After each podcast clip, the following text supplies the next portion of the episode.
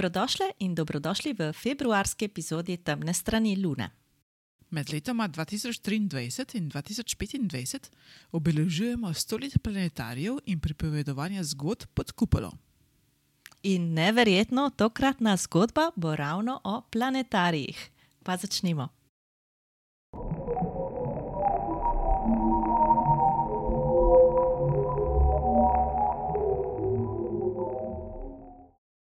Lepo pozdravljeni torej v tokratni epizodi podcasta Temna stran Lune in z vami sva tudi tokrat Dunja in Maruša. In hvala vsem, ki ste naju in naju še boste podprli pri ustvarjanju tega podcasta. Kavo nam lahko ponudite na spletni strani Kofi, to je ko-fi.com, pošiljka Temna stran Lune. In ker epizode ponavadi posnameva zvečer po delu, med vikendom in ko so otroci že odšli spat in so manj hrupni, uh, se lepo zahvaljujeva anonimnemu donatorju za kave, ki naj jo bojo držale budne tudi med snemanjem te epizode. Pa začnimo. Planetariji imajo dolgo zgodovino, ampak za začetek moderne dobe planetarijev štejemo obdobje med letoma 1923 in 1925. Leta 1923 so v delavnicah Karla Cajsa v Jeni izdelali prvi optomehanični projektor, ki ga je občinstvo sprejelo kot čudež iz Jene. Namestili so ga v Münchenski tehnični muzej, ki je bil v odprtju leta 1925 takrat največji mehanični planetarij. Prikazoval je tako heliocentrično kot tudi geocentrično gibanje. Planete so po njihovih orbitah poganjali električni motori, z električnimi žarnicami pa so na steno projicirali 180 zvezd. Današnji planetariji so seveda veliko bolj moderni in uporabljajo najnovejšo tehnologijo s tridimenzionalnimi prikazi in virtualno resničnostjo. V tokratni epizodi bomo obiskali Šlezijski planetarij, ki je največji in najstarejši planetarij in astronomski observatorij na Polskem. Nahaja se v kraju Horšov v bližini Katovic. Lansko leto uh, sem imela možnost, da sem ga obiskala, ker je gostil nekatere dogodke v sklopu Mednarodne olimpijade za astronomijo in astrofizike. In danes bo torej z nami namestnik direktorja, magistr Damien Javujka, ki nam bo predstavil planetarij in njegove aktivnosti. Govorili pa bomo tudi o vlogi planetarjev v današnjih časih. Magistr Damien Javujka, pozdravljeni in dobrodošli v najnem podkastu. Preden se posvetimo planetarijem, bi radi, da se poslušalcem najprej predstavite. Kakšna je bila vaša znanstvena pot in kako ste se povezali s Šlezijskim planetarijem? Nazywam się Damian Jabłeka i jestem astronomem. Aby stać się astronomem, przebyłem pewną życiową drogę, która w końcu zaprowadziła mnie Moje do tego, ime aby je Damien Jabłeka in sem astronom. Življenjska pot me je pripeljala do tega, da sedaj delam v planetariju, kjer imam tudi nekaj besede pri njegovem nadaljnem razvoju. Vse se je začelo, ko sem bil najstnik. V šoli mi je šlo dobro, ampak nič me ni posebej zanimalo. Nekega dne mi je po koncu pouka učiteljica fizike svetovala, naj si poiščem kakšen zanimiv hobi. V roke mi je potisnila knjigo Nebo na dlani in ta knjiga mi je pravzaprav spremenila življenje. Prebral sem jo kar nekajkrat. Poleg opisa osnov nebesne dinamike in uporabe časa v astronomskih opazovanjih, knjiga podrobno opisuje tudi posamezna ozvezdja. Bil sem navdušen, da sem imel poleg šole še druge interese. Zaradi tega sem začel opazovati nebo s prostimi očmi, pri tem pa sem uporabljal zvezdno karto. Potem sem si kupil svoj prvi teleskop in postal aktiven v szczegóły. astronomskem krožku. Sledila so tekmovanja in tako naprej. Kasneje sem začel prihajati v Šlezijski planetarij školą. skupaj s Polskim društvom ljubiteljskih astronomov, da bi zgradili velik polmetrski teleskop. Srednješolsko widziałem navdušenje me je vodilo do študija astronomije, ki sem ga zaključil na się univerzi. Kasneje sem začel z univerzo sodelovati in se upisal na doktorat, także toda vmes, preden sem zaključil študij, me je poklical tedanji direktor planetarija Towarzystwa Motika in me vprašal, če že vem, kaj si želim po konstruować koncu študija. Zame je namreč imel službo. Po nekem naključju je v času, ko sem zaključeval študij, studia zapustilo nekaj ljudi in tako se je odprlo mesto zame. Medtem, ko sem še vedno sodeloval z univerzo, sem začel delati v planetariju, na tem magičnem kraju, kjer skrivnosti neba približujemo našim gostom.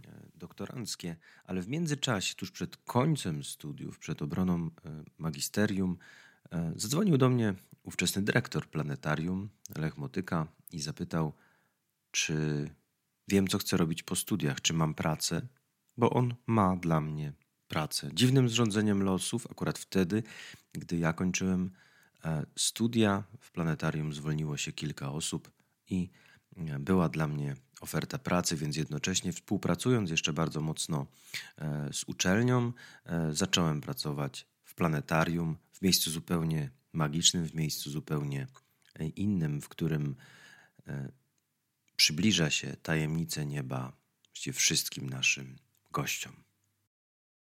Ste namestnik dyrektora Szlezijskiego Planetaria.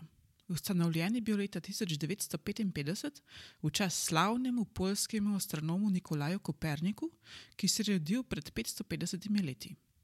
Nam lahko pišete zgodovino vašega planetarija, kakšni so bili začetki in koliko ljudi je sodelovalo pri projektu na začetku? Planetarium Śląskie powstało w 1955 roku jako pierwsza tego, tego, tego typu placówka na terenie naszego kraju. Po zakończeniu II wojny światowej rozpoczął się w Polsce ruch o to, aby gdzieś takie planetarium powstało. Planetaria były znane już z czasów. Šlezijski obserwatorij je bil ustanovljen leta 1955 kot prva taka ustanova v naši državi.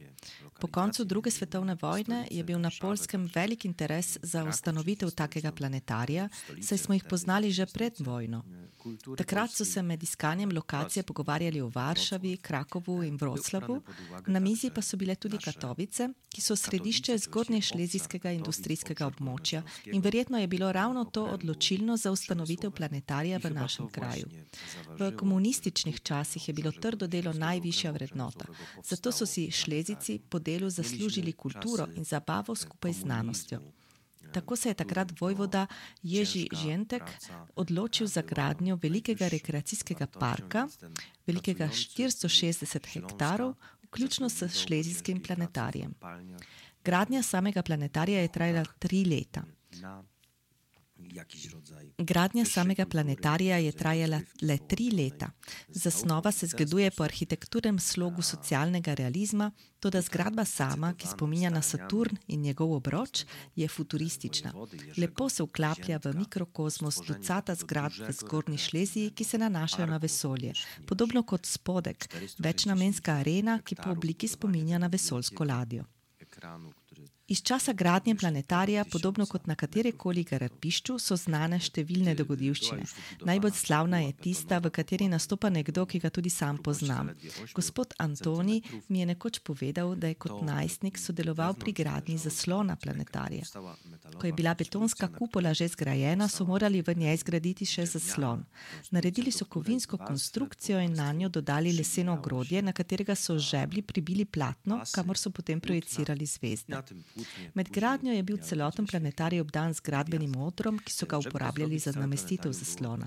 Ko je bilo delo končano, so odr podrli, ampak ker se je mudilo, vodoodporna prevleka na notranji strani še ni bila končana. Kot na lašče je takrat prišel naliv, ki je bil tako močan, da je voda prodrla skozi betonsko kupolo in namočila zaslon. Ker odra ni bilo več, je gospod Antoni po lesenem okvirju splezal med ogrodje zaslona in betonsko kupolo, odstranil uničeno in namestil namestil novo platno. Po njegovem pripovedovanju so nove role platna več kilometrov vozili na vozičkih skozi nastajajoči park do planetarija in zgradili nov zaslon pred njegovo otvoritvijo. Njihov trud je omogočil, da je bil zaslon na dan otvoritve nov in kot iz škatlice in je omogočil opazovanje nočnega neba. Pozostawiając wielkie plamy. I wtedy już e, nie było rusztowania w środku.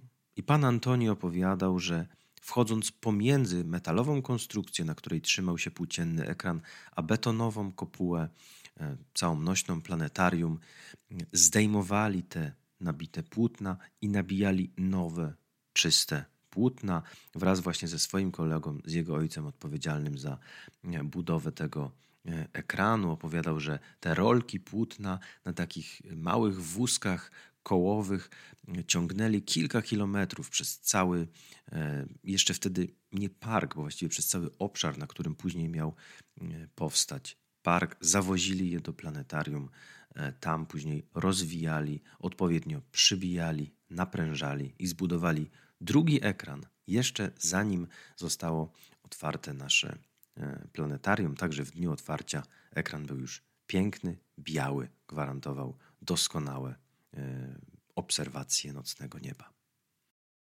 Med lanskoletno olimpijado iz astronomije in astrofizike, ki je potekala v Horšofu na Polskem, sem vaš planetarij obiskala tudi sama. Lahko potrdim, da je njegova kupola res ogromna.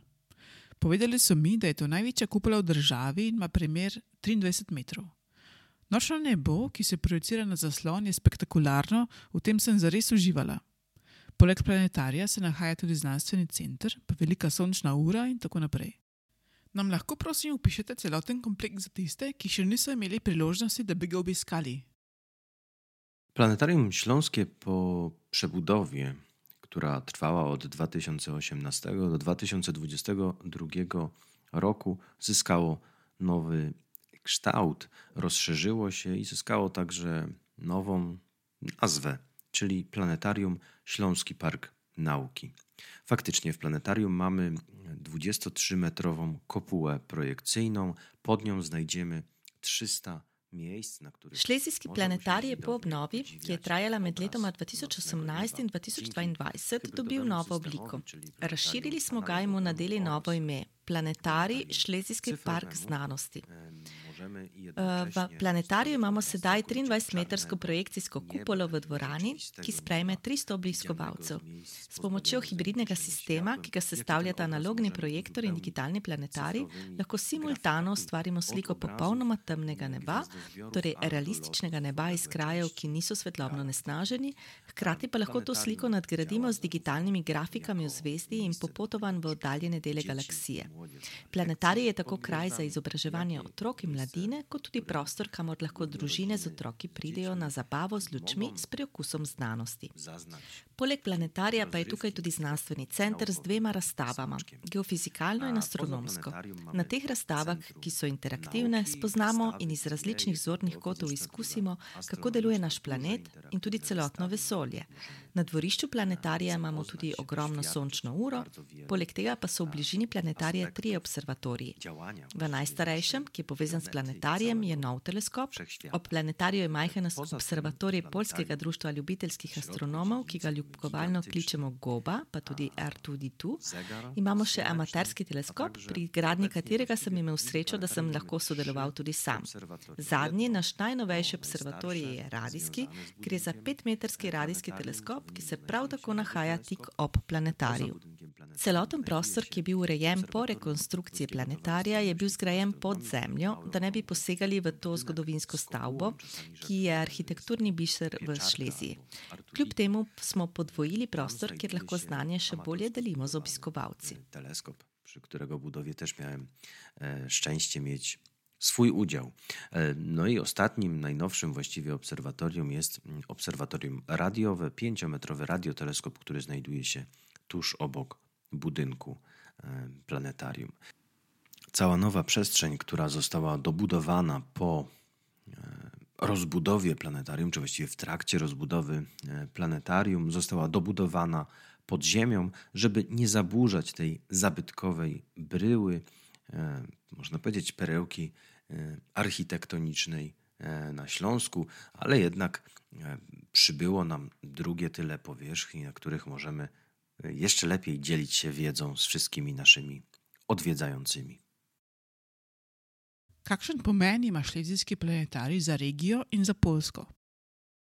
Rola planetarium dzisiaj, jak i przez całe prawie 70 lat istnienia, właściwie się nie zmieniła. Można by tutaj sporo mówić o tym, że planetarium służy rozwijaniu pasji, inspirowaniu, przybliżaniu nieba Ale jeżeli się nad tym głęboko Vloga planetarija se v njegovih 70 letih obstoja vse do danes ni spreminjala. Lahko rečemo, da je njegovo poslanstvo spodbujanje strasti, navdiha in navdušenja, pa tudi približevanje neba ljudem. Toda, če bolje pomislimo, ima planetarij nek izredno visok, skoraj nedosegljiv cilj. To je izboljševanje kvalitete življenja tako prebivalcev Šlezije, kot tudi ostalih obiskovalcev. Kako? Po mojem mnenju to počnemo s tem, ko ljudem prikazujemo zapletene, oddaljene in nepredstavljive pojave, tiste, ki nas običajno ne zanimajo v vsakodnevnem življenju in ki so tudi nedostopni. Ljudi spodbujamo k pridobivanju znanja in k razmišljanju o celotnem vesolju.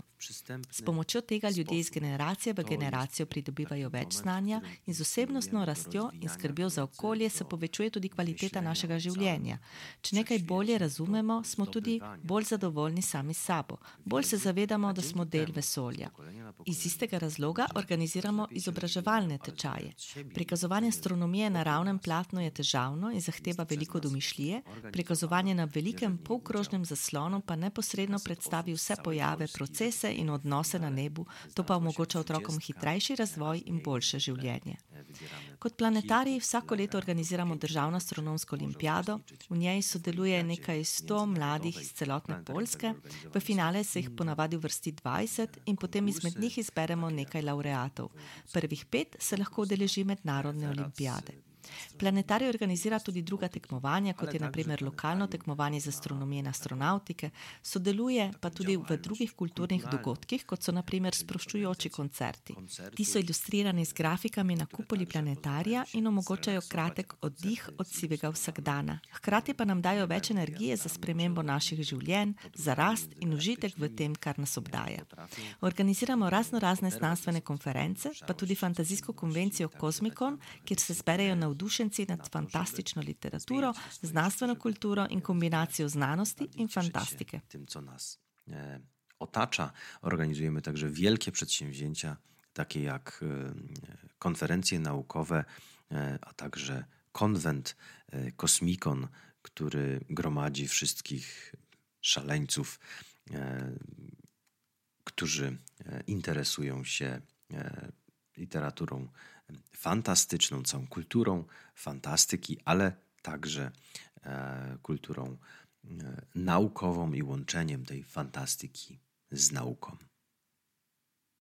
Ali v planetariju izvajate tudi znanstvene raziskave? W naszym planetarium zatrudniamy sporo osób, które mają dosyć e, duże doświadczenie w pracy naukowej, takie ugruntowanie naukowe. Niemniej jednak obecnie w planetarium nie są prowadzone przez pracowników planetarium badania naukowe. Mamy nadzieję, v našem planetariju je zaposlenih veliko ljudi, ki imajo številne izkušnje z znanstvenim delom, vendar trenutno naše osebje ne opravlja znanstvenih raziskav. Upamo, da se to kmalo spremeni. Mnoga leta je planetarij upravljal raziskave našega planeta oziroma seizmografske raziskave. Imamo namreč seizmografe in seizmometre, ki merijo premike skorje našega planeta, seizmične premike pa tudi tresenje tal zaradi rudarjenja. Rudarjenje je namreč v zgornji šleziji zelo razširjeno in tresenje tal zaradi antropogenih vzrokov je zato tukaj pogost pojav. V bližini planetarija je meteorološka postaja, kjer dnevno upravljamo meritve stanja v atmosferi že 50 let, To nam omogoča razumevanje, kako se podnebje Šlezijskega parka spreminja. S pomočjo teh meritev smo objavili že kar nekaj znanstvenih člankov. Planetarij vključuje tudi dva observatorija, optičnega in radijskega. Optični observatorij obstaja že nekaj časa, v njem so upravili že ogromno raziskav, večinoma z področja položaja in svetlosti malih teles v našem osončju, torej asteroidov in kometov. Vendar pa naš stari teleskop ni več dosegal znanstvenih standardov po današnjih merilih. Zato smo ga pred kratkim nadomestili z novim novim in večjim, s katerim bomo ponovno začeli z izvajanjem znanstvenih raziskav, prav tako na področju nebesnih teles. Imamo že nekaj idej za te raziskave v optičnem delu, večinoma gre za študij spremenljivosti sijateh zvest in malih teles v osončju, poleg tega pa bi lahko raziskovali tudi gravitacijsko lečenje ali pa iskali egzoplanete. Tudi to so načrti za prihodnost. Z radijskim teleskopom bomo poskušali oceniti radijsko spremenljivost našega Sonca ali pa določiti porazdelitev vodika v naši galaksiji galaksiji. Tudi teleskop je majhen, v premjeru ima samo 5 metrov, tako da bo njegova glavna vloga izobraževalne narave. Asteroid oraz także badania soczewkowania grawitacyjnego czy poszukiwanie planet pozasłonecznych, ale to wszystko jeszcze przed nami. Przy pomocy radioteleskopu też będziemy starać się badać zmienność radiową Słońca, czy wyznaczać rozkład wodoru e, w naszej galaktyce. Niemniej jednak jest to mały radioteleskop o średnicy zaledwie 5 metrów, więc e, tutaj widzimy większą wartość dydaktyczną tego e, urządzenia. Planetarium jest tesno povezan z znanstvenim centrum. Ali v planetariju obiskovalcem predstavite tudi zadnje odkritja in rezultate raziskav, tako lokalnih kot tudi mednarodnih? Planetarium Śląski Park Nauki to jeden, jedna instytucja, jeden budynek, w którym mieści się zarówno planetarium, jak i e, Park Nauki, Centrum Nauki. A mniej więcej pół miliona osób e, przeszło przez nasz park. Planetari Šlezijski park znanosti je ena inštitucija. Je zgradba, ki gosti tako planetari kot tudi znanstveni park. Lansko leto je imel približno pol milijona obiskovalcev, kar je ogromna številka. Od teh si je polovica ogledala projekcije v planetariju, druga polovica pa je obiskala razstave ali ostale prireditve in delavnice. Med obiskom naše inštitucije se ljudje seznanijo z najnovejšimi odkritji. Vsaka projekcija v dvorani planetarija se prične s 15-minutnim uvodom v živo o trenutnem stanju na nebu. Naši predavatelji ne govorijo le o osvestih, ki so trenutno na nebu, ampak tudi o drugih najnovejših zanimivostih, ki so povezane z opazovanjem astronomijo in raziskovanjem vesolja. Še več o zadnjih znanstvenih odkritjih lahko obiskovalci zvejo na naših razstavah, saj so vedno vodene. Naši podiči nas ne popeljejo le skozi razstavo, ampak nas vodijo tudi na izobraževalno pot in pri tem stkejo zgodbo, ki nam pomaga razumeti proces, skozi katerega pridobimo znanje o naši Zemlji in ne razumemo procese, ki se dogajajo tako na Zemlji, kot tudi v celotnem vesolju. Prowadzą nas taką ścieżką dydaktyczną, która pozwala nam zrozumieć proces zyskiwania wiedzy o naszej Ziemi oraz te wszystkie procesy, które dzieją się w naszej planecie czy w jej atmosferze, a także poza Ziemią, e, e, no, w całym wszechświecie, właściwie w kosmosie. V katerih aktivnostih lahko obiskovalci sodelujejo v vašem znanstvenem centru? Koliko ljudi se ukvarja z razvojem in pripravo novih aktivnosti? Nam lahko zaupate, kakšne nove aktivnosti pripravljate v prihodnosti? Wystawy Planetarium Śląskiego Parku Nauki nastawione są głównie na doświadczenie, na przeżycie procesów fizycznych czy efektów działania takich właśnie e, procesów. Nasz odwiedzający może na przykład skorzystać Razstave w planetariju Šlezijskem parku znanosti so primarno sredotočene na doživljanje fizikalnih procesov ali njihovih učinkov. Naši obiskovalci lahko uporabijo sobo za potres, kjer doživijo realistično simulacijo potresa. Občutijo lahko tudi različna podnebja, ko vstopajo v sobe z isto temperaturo, vendar z različnimi vlažnostmi zraka. V eni vlažnost doseže 90%, medtem ko je v drugi le 30%. To simulacijo simuliramo tako v hladnih, kot tudi v vročih podnebjih. Obiskovalci lahko torej izkusijo, da ni le temperatura glavni nosilec našega doživljanja, ampak tudi vlažnost in veter. Vsi ti vidiki vplivajo na to, kako doživljamo mraz. Vidimo lahko tornado, velik nekaj metrov, in pa dvometrsko strelo, ki udari v model mesta Katovice. Na velikem modelu Zemlje prikazujemo, kako so se v preteklosti premikali kontinenti in kako se razširjajo seizmični valovi. Učimo se lahko o tem, kako izgleda presek našega planeta, kako se seizmični valovi razširjajo, preizkusimo se lahko v gradni mesta na seizmično aktivnem kraju, na to vklopimo seizmično aktivnost in preverimo, kateri mladi inženir najbolje razume gradnjo varno pred potresi. Vse to najdete v geofizikalnem delu. V astronomskem delu se lahko sprehodimo skozi vesolje v tridimenzionalnem prikazu. Tam je na ogled evolucija zvest, lahko pa tudi sami pogledamo skozi teleskop ali pa uporabimo celostat. Ogledamo si, kako tak teleskop deluje, na koncu pa nam predstavijo še spektre različnih elementov in prikažejo sledi delcev iz vesolja, ki letijo skozi nas.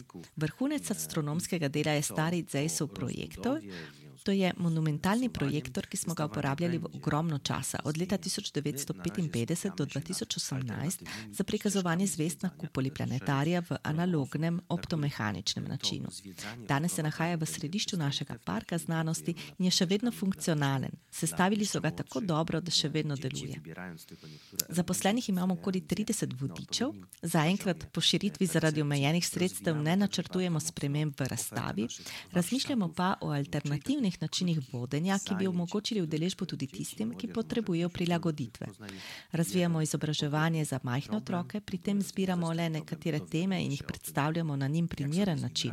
Razvijamo tudi ponudbo delavnic in kratkih lekcij, v katerih lahko sodelujejo otroci in mladi. Na teh delavnicah se učijo in poskušajo, poskušajo rešiti specifičen problem, ugotovijo, kako se ga lotiti in kaj se pri tem lahko naučijo. Delavnice so omejene na tri področja, s katerimi se ukvarjamo, torej z astronomijo, seizmologijo in meteorologijo. Zadnji dve področji združujemo in pokažemo na geofizikalni razstavi, medtem ko so astronomski pojavi prikazani na sosednji astronomski razstavi. Obiskovalcem omogočamo uporabo vesoljskega simulatorja letenja, kjer se ukrcamo na fantazijske kapsule.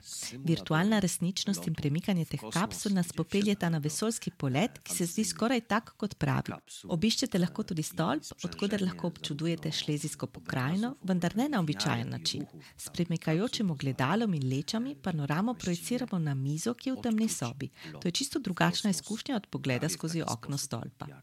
Ma to miejsce e, w rzeczywistości, a także można wjechać windą na wysoką wieżę, e, z której można podziwiać panoramę e, Górnego Śląska, ale też nie w taki zwykły sposób, ale przy pomocy zwierciadła ruchomego, soczewki.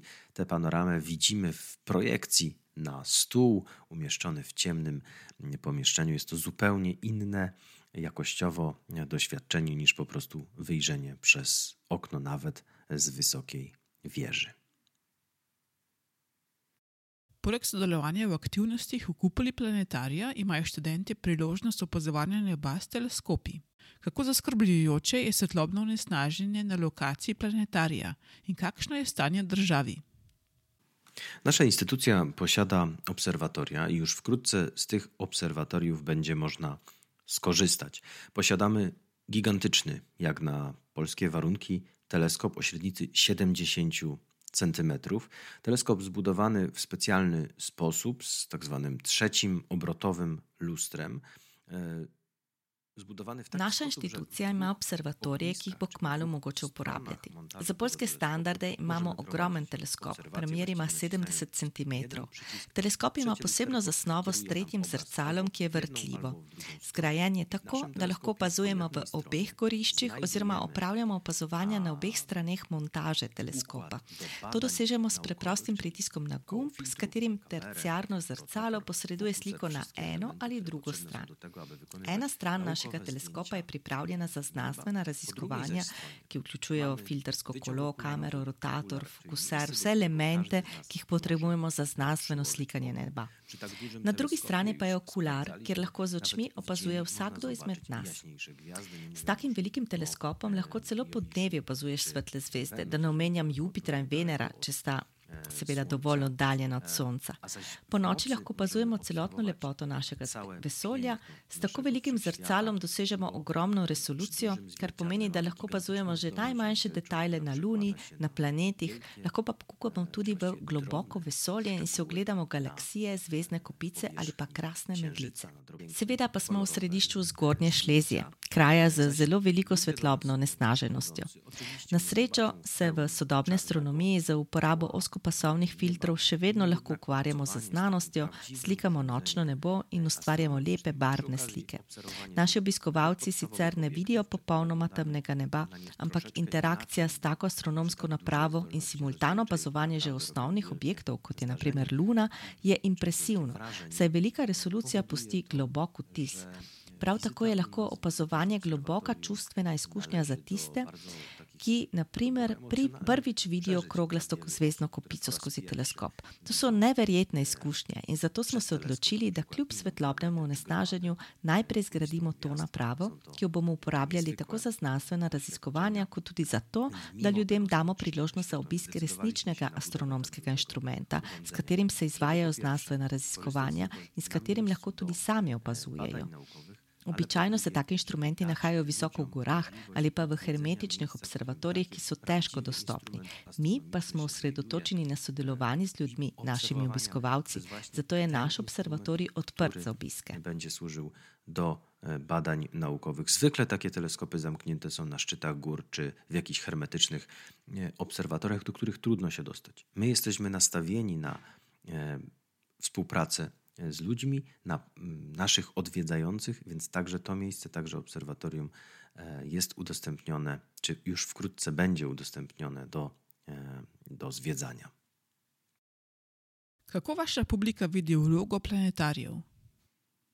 Nasze działania spotykają się z bardzo dobrym odbiorem przez naszych gości. Mamy mnóstwo bardzo pozytywnych opinii, które dostajemy zarówno przez media społecznościowe, przez e-maile, jak i także. Od naszych gostów dobivamo zelo pozitivne vtise in povratne informacije. Na socialnih omrežjih dobivamo veliko pozitivnih mnenj, pa tudi preko elektronske pošte in običajnih pogovorov z našimi gosti, tako z individualnimi obiskovalci, kot tudi spremljevalci šolskih skupin. Tudi odzivi mladih so zelo pozitivni. Ostale naše kulturne prireditve, kot so naprimer Kozmikon ali pa koncerti, so lepo sprejete. Zaradi tega v lokalni skupnosti uživamo velik ugled. Veliko ljudi se našega planetarija spomni iz časov, ko so sem prihajali kot otroci v osnovni šoli. Danes se vračajo kot učitelji ali starši s svojimi otroki in so presenečeni nad tem, kako se je planetarij spremenil in razširil z vključitvijo znanstvenega centra. K nam radi prihajajo in želimo si, da bi zanimanje za naš planetarij ostalo visoko in vsak dan se trudimo, da bi za naše goste naredili vse, kar je v naši moči. Życzylibyśmy sobie, żeby jak najdłużej zainteresowanie naszym planetarium zostało na wysokim e, poziomie i staramy się każdego dnia robić wszystko, żeby dawać naszym gościom jak najwięcej. Je izkušnja o planetariju osnovana na grških oziroma tako imenovanih zahodnih ozvezdjih, ali pa vključujete tudi interpretacije drugih kultur in njihove zgodbe, ki so povezane z zvezdami? Obcowanie człowieka z nocnym niebem jest doświadczeniem głębokim samym w sobie. Wystarczy nam ciemność i gwiazdy, żebyśmy poczuli Človeška interakcija z nočnim nebom je po svoji naravi globoka izkušnja. Že samo tema in zvezde so dovolj, da čutimo radost, ki pa se lahko včasih sprevrže v nemir ali celo strah. Strah nas je tujega, neznanega, tistega, kar ne znamo poimenovati. In zato so kulture že v najstarejših časih poimenovale objekte na nebu. Točke, ki jih je narava naključno porazdelila, so povezali med sabo v različne oblike, ki so jih poznali, naprimer bogove, junake ali pa vsakodnevne objekte. Danes ljudem svet astronomije predstavimo na čisto enak način. Našim gostom vedno predstavimo zgodbe o zvezdih, ki so trenutno na nebu, povemo jih, v katerem ozvezdju se trenutno nahaja Luna, kje najdemo planete in kako jih razločimo od, od zvezd. V Evropi prevladuje grška astronomska kultura, uporabljamo razdelitev neba na 88 zvezdi, ki ga je odobrila Mednarodna astronomska zveza. Vendar pa v še posebej zanimivih zgodbah ne razložimo samo evropskega pogleda, ampak predstavimo tudi arabske legende ali pa povemo, odkot prihajajo imena zvezd. Nekateri včasih posežemo celo po bolj oddaljenih kulturah. Sam pogosto omenim naprimer to, da nekatere južnoameriške kulture v zvezdju Oriona vidijo želvo. V našem planetariju seveda ne manjka polske kulture. Običajno poudarimo zvezdja, ki jih je na nebo postavil polski astronom Hevelius, kot je naprimer ščit Sobieskega oziroma zvezdje ščita, ki dobi ime po polskem kralju Janu III. Sobieskemu, in pa tudi zgodbe o Lelu in Polelu, ki sta polska različica rimskih dvojčkov Kastorja in Poluxa in se tipično pojavljata v naših slovanskih zgodovinskih zgodbah. Radi tudi poudarjamo, da nebo pripada vsem, ki si ga želijo spoznati. Kljub temu pa se najbolj osredotočamo na znanstveni del. Naši predavatelji ne pripovedujejo le o neki zvezdi, ki je naprimer noga neke osebe ali pa roka ali glava nekoga drugega, ampak poudarimo, da smo v zadnjih nekaj stoletjih od teh zvezdah pridobili ogromno znanstvenih informacij. Praktično vsa ozvezdja skrivajo kakšno odkritje. Naj si bo to opazovanje Urana ali Neptuna, prva supernova, razumevanje razdalj v vesolju ali pa prvi radijski bliski, ki so jih opazili na nekem delu neba. Če vemo, kje se je vse to zgodilo, lahko ta ozvezdja obiščemo in skupaj z obiskovalci spoznamo te pojave.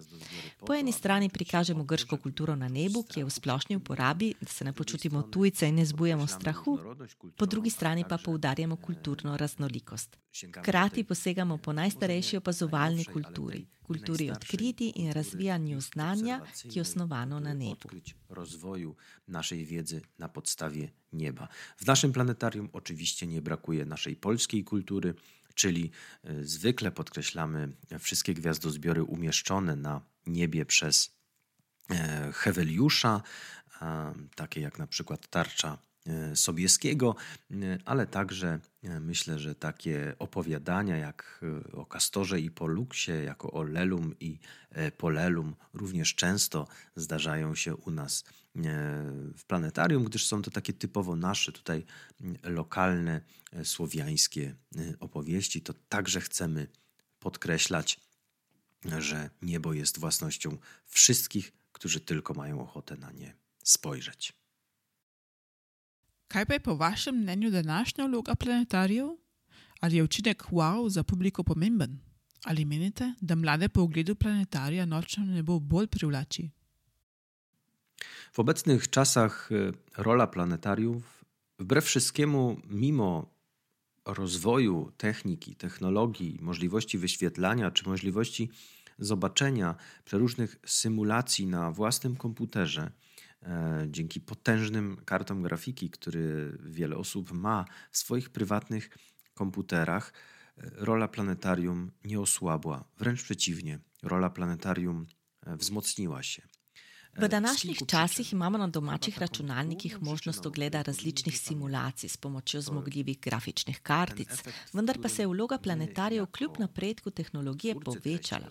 Razlogov je več. Glavni pa je efekt, s katerim mi, ustvarjalci vsebine za planetarje in vodiči skozi razsežno znanje z interneta, pripravimo izbrane vsebine. Te vsebine so le majhen del vsega znanja in predstaviti jih želimo na način, ki je jasen in razumljiv.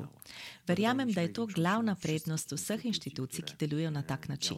Vsak se lahko vpraša, zakaj bi moral obiskati inštitucijo, ko pa si vse lahko gleda na internetu. Odgovor je v tem, da si je ne mogoče ogledati vse. Na internetu si naenkrat lahko gledamo le manjše fragmente znanja in iskanje teh majhnih delov lahko vzame več časa kot branje oziroma ogled sam. Tako je torej bolje, če gremo v inštitucijo, ki nam vse to že pripravi in uredi na jasen in razumljiv način. Taka vloga planetarija je zelo pomembna v našem digitalnem, modernem svetu. Seveda se tudi velik 23-metrski zaslon ne more primerjati niti z največjim televizorjem ali projektorjem. Izkušnja skoraj avtentičnega neba, ki prihaja iz optomehaničnega projektorja, torej svetle pike na popolnoma temnem nebu, ki jih obogatimo z medgalaktičnimi poleti ali pa poleti skozi našo galaksijo do drugih planetov, povzroči globoko zanimanje za vsebino. V tako veliki kupoli se počutimo, kot da smo resnično v tridimenzionalnem vesolju in to brez 3D očal. Vloga planetarjev raste tudi zato, ker ponovno živimo v vesoljski dobi.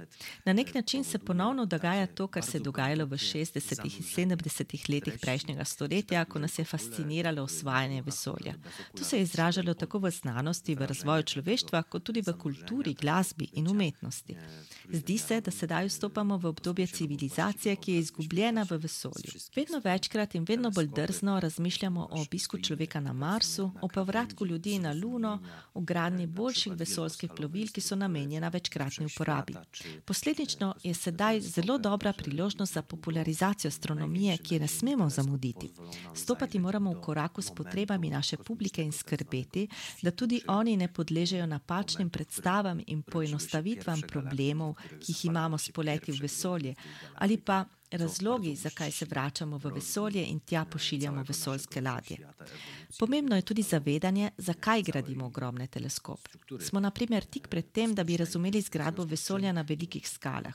Pri tem nam vesoljski teleskopi in kmalo tudi največji teleskopi na Zemlji omogočajo pogled v kosmično zoro, v trenutek, ko so se rodile prve galaksije in ko so se v njih prižgale prve zvezde. To bo zelo izboljšalo naše razumevanje razvoja celotnega vesolja in evolucije kozmične strukture na velikih skalah. Ves napredek, ki smo mu priča v časih, v katerih živimo, bi moral biti uporabljen za komunikacijo, da bi se ljudje počutili bolje, bolj udobno, da osebnostno rastejo, hkrati pa se razvijajo skupaj s človeštvom. Vlogo planetarijev danes vidim kot znanstveni prostor, kamor pridejo naši gostje, morda niti ne z namenom, da bi pridobili znanje, ampak zato, da bi nahranili svoje čute in uživali v lepoti neba in nebesnih objektov. Pridejo zato, da jim nekdo pokaže, kako izgleda ta nebo in vesolje, ali pa preprosto zato, ker jim planetarij nudi užitek v interakciji z nočnim nebom in znanostjo. Drobne elementy czy duże struktury we wszechświecie i dawanie im tej po prostu przyjemności obcowania z nocnym niebem i z nauką jednocześnie również jest bardzo takim pożądanym efektem. Wszyscy nasi goście czerpią przyjemność z tego, że mogą obcować z nauką i z niebem jednocześnie.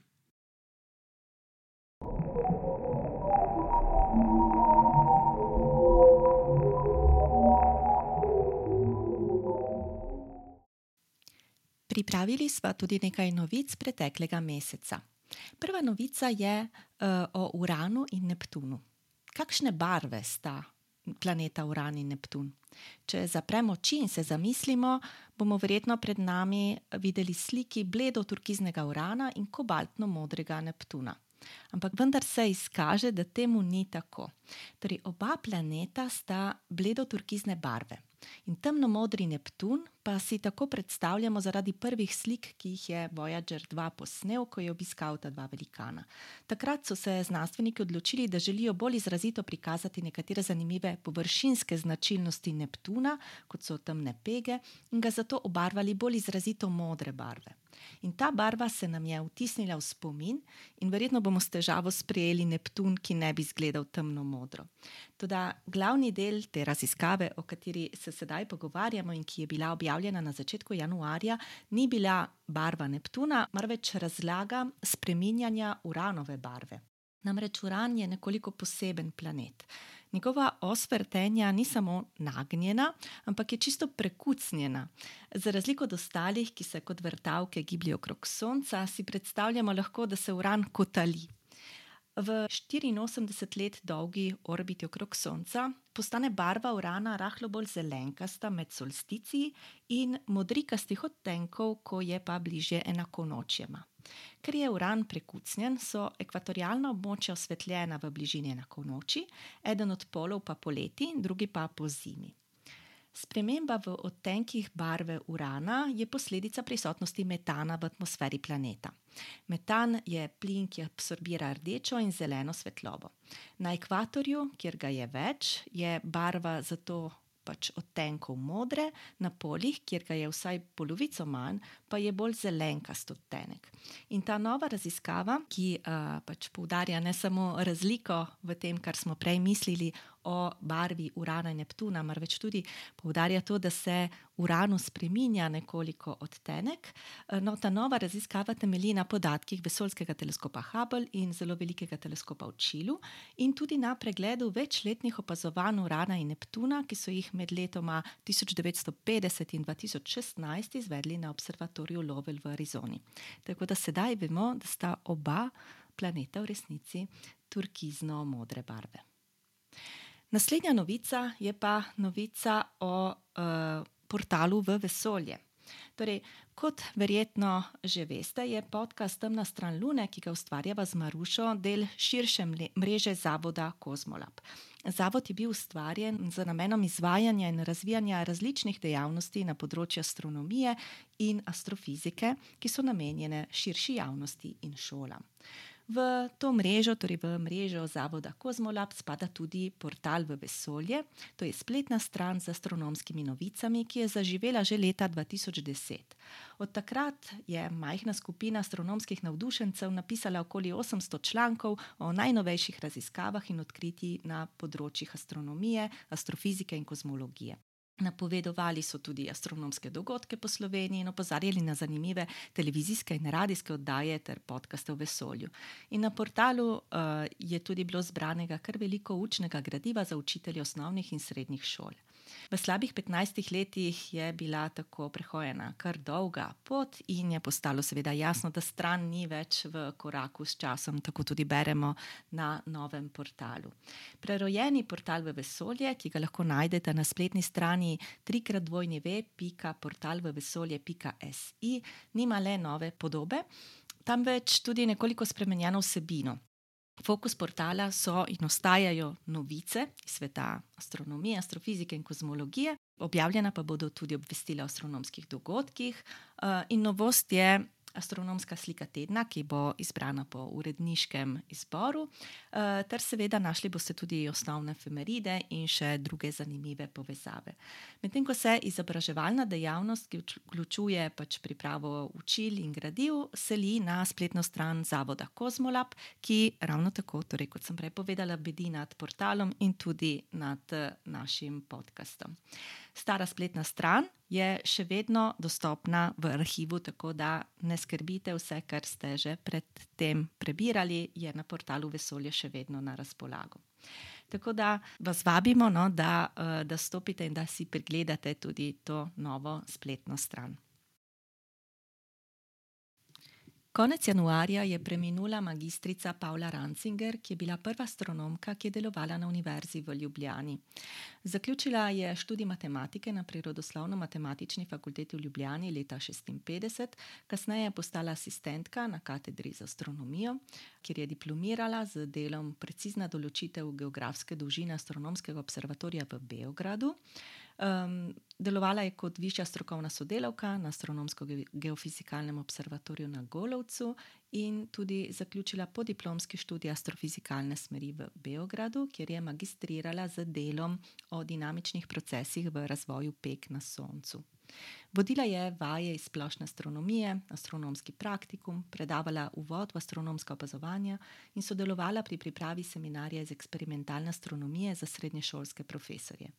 Bila je avtorica številnih poljudnih člankov v revijah kot so Proteus, Življenje in tehnika, Presek in prevajala uh, poljudne astronomske knjige, leksikone, zvezdne karte. Prispevala je tudi čez 4000 astronomskih izrazov za terminološki slovar naravoslovne sekcije SAZU. Upravljala je knjižnično delo na observatoriju na Golovcu in tudi časovno službo za potrebe rednih seizmoloških in astronomskih meritev do upokojitve leta 1993. Njeno raziskovalno delo je bilo torej namenjeno razvoju pek na Soncu, kjer je poročevala dinamične procese pri razvoju pek, skupin pek in sončevih izbruhov. Določila je tudi zemljepisno širino, dolžino in smeri meridiana Astronomsko-geofizikalnega observatorija v Ljubljani in izvajala meritve v desetih letih. Um, ter um, bila in sodelovala najprej pri pripravi slovenskih astronomskih efemerid, eh, ki izhajajo tudi danes pod imenom Naše nebo, in bila torej njihova urednica od leta 1963 do leta 1982. O življenju in delu Pavle Rancinger sem te informacije, ki sem jih zdaj prebrala, mi jih je posredovala Andreja Gomboc, ki je leta 2005 tudi pripravila in zbrala biografije več astrofizičark. Takrat je namreč neformalna zveza slovenskih fizičark pripravila potujočo razstavo z naslovom Slovenke v fiziki. Leta 2005 je bilo mednarodno leto fizike. Poleg raziskovalnega dela na področju sončevih pek in natančnih meritev observatorija je bila Pavla Rancinger cenjena kot predavateljica. Njenih predavanj se marsikateri študent in študentka, ki jo je poslušal v prvem letniku, še vedno dobro spomni in hrani zapiske teh predavanj.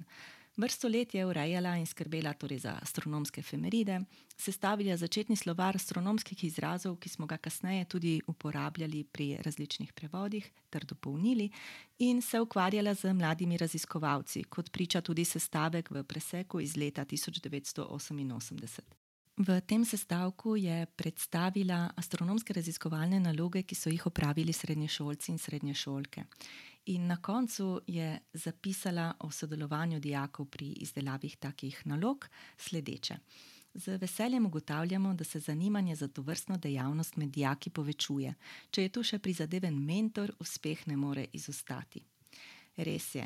Torej, čeprav je od sestavka minilo več desetletij, lahko tudi danes ugotavljamo, da se je na osnovah, za katere je zaslužna tudi Pavla Rancinger, zanimanje dijakov za astronomijo in delo mentorjev z njimi še naprej uspešno nadaljevalo in upamo, da se še naprej bo. Aktualno na nebu.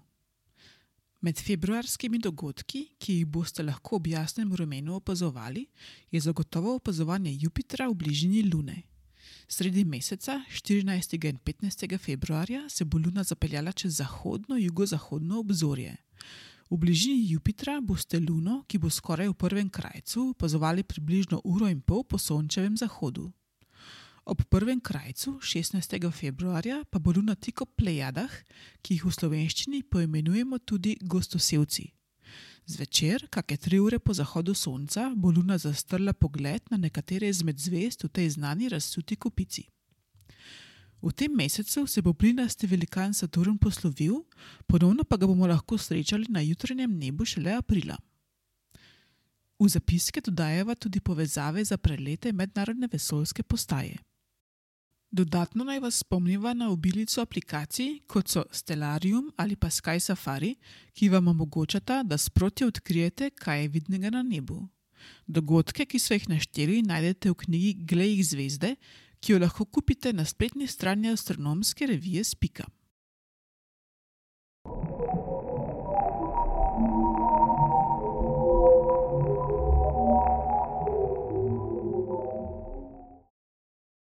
Do naslednje epizode, ki bo zaživela prvi ponedeljek v marcu, vas vabiva, da sežete tudi po preteklih epizodah tega podcasta. In tokrat se moramo še posebej zahvaliti Šlezijskemu planetariju. Uh, predvsem gre zahvala uh, Damjenu Jabueki, ki je pač bil intervjuvanec, in tudi odgovornemu za stike z javnostjo Mihalu Rostanskemu. Glasbeno kuliso podcasta je ustvaril Peli. Prisluhnite mu v podkastu Upravičujemo se za vse nevšečnosti, kjer z Alijem in Zim razpravljajo o življenju, vesolju in sploh vsem. In kdo želi, lahko s nama stopi v stik preko e-maila podcast.temnastranlune.afna.gmail.com ali pa na družbenih omrežjih, kjer naj jo najdete z imenom Temna stran Lune. Z vami so bili Dunja in Maruša. Srečno! Adijo! thank you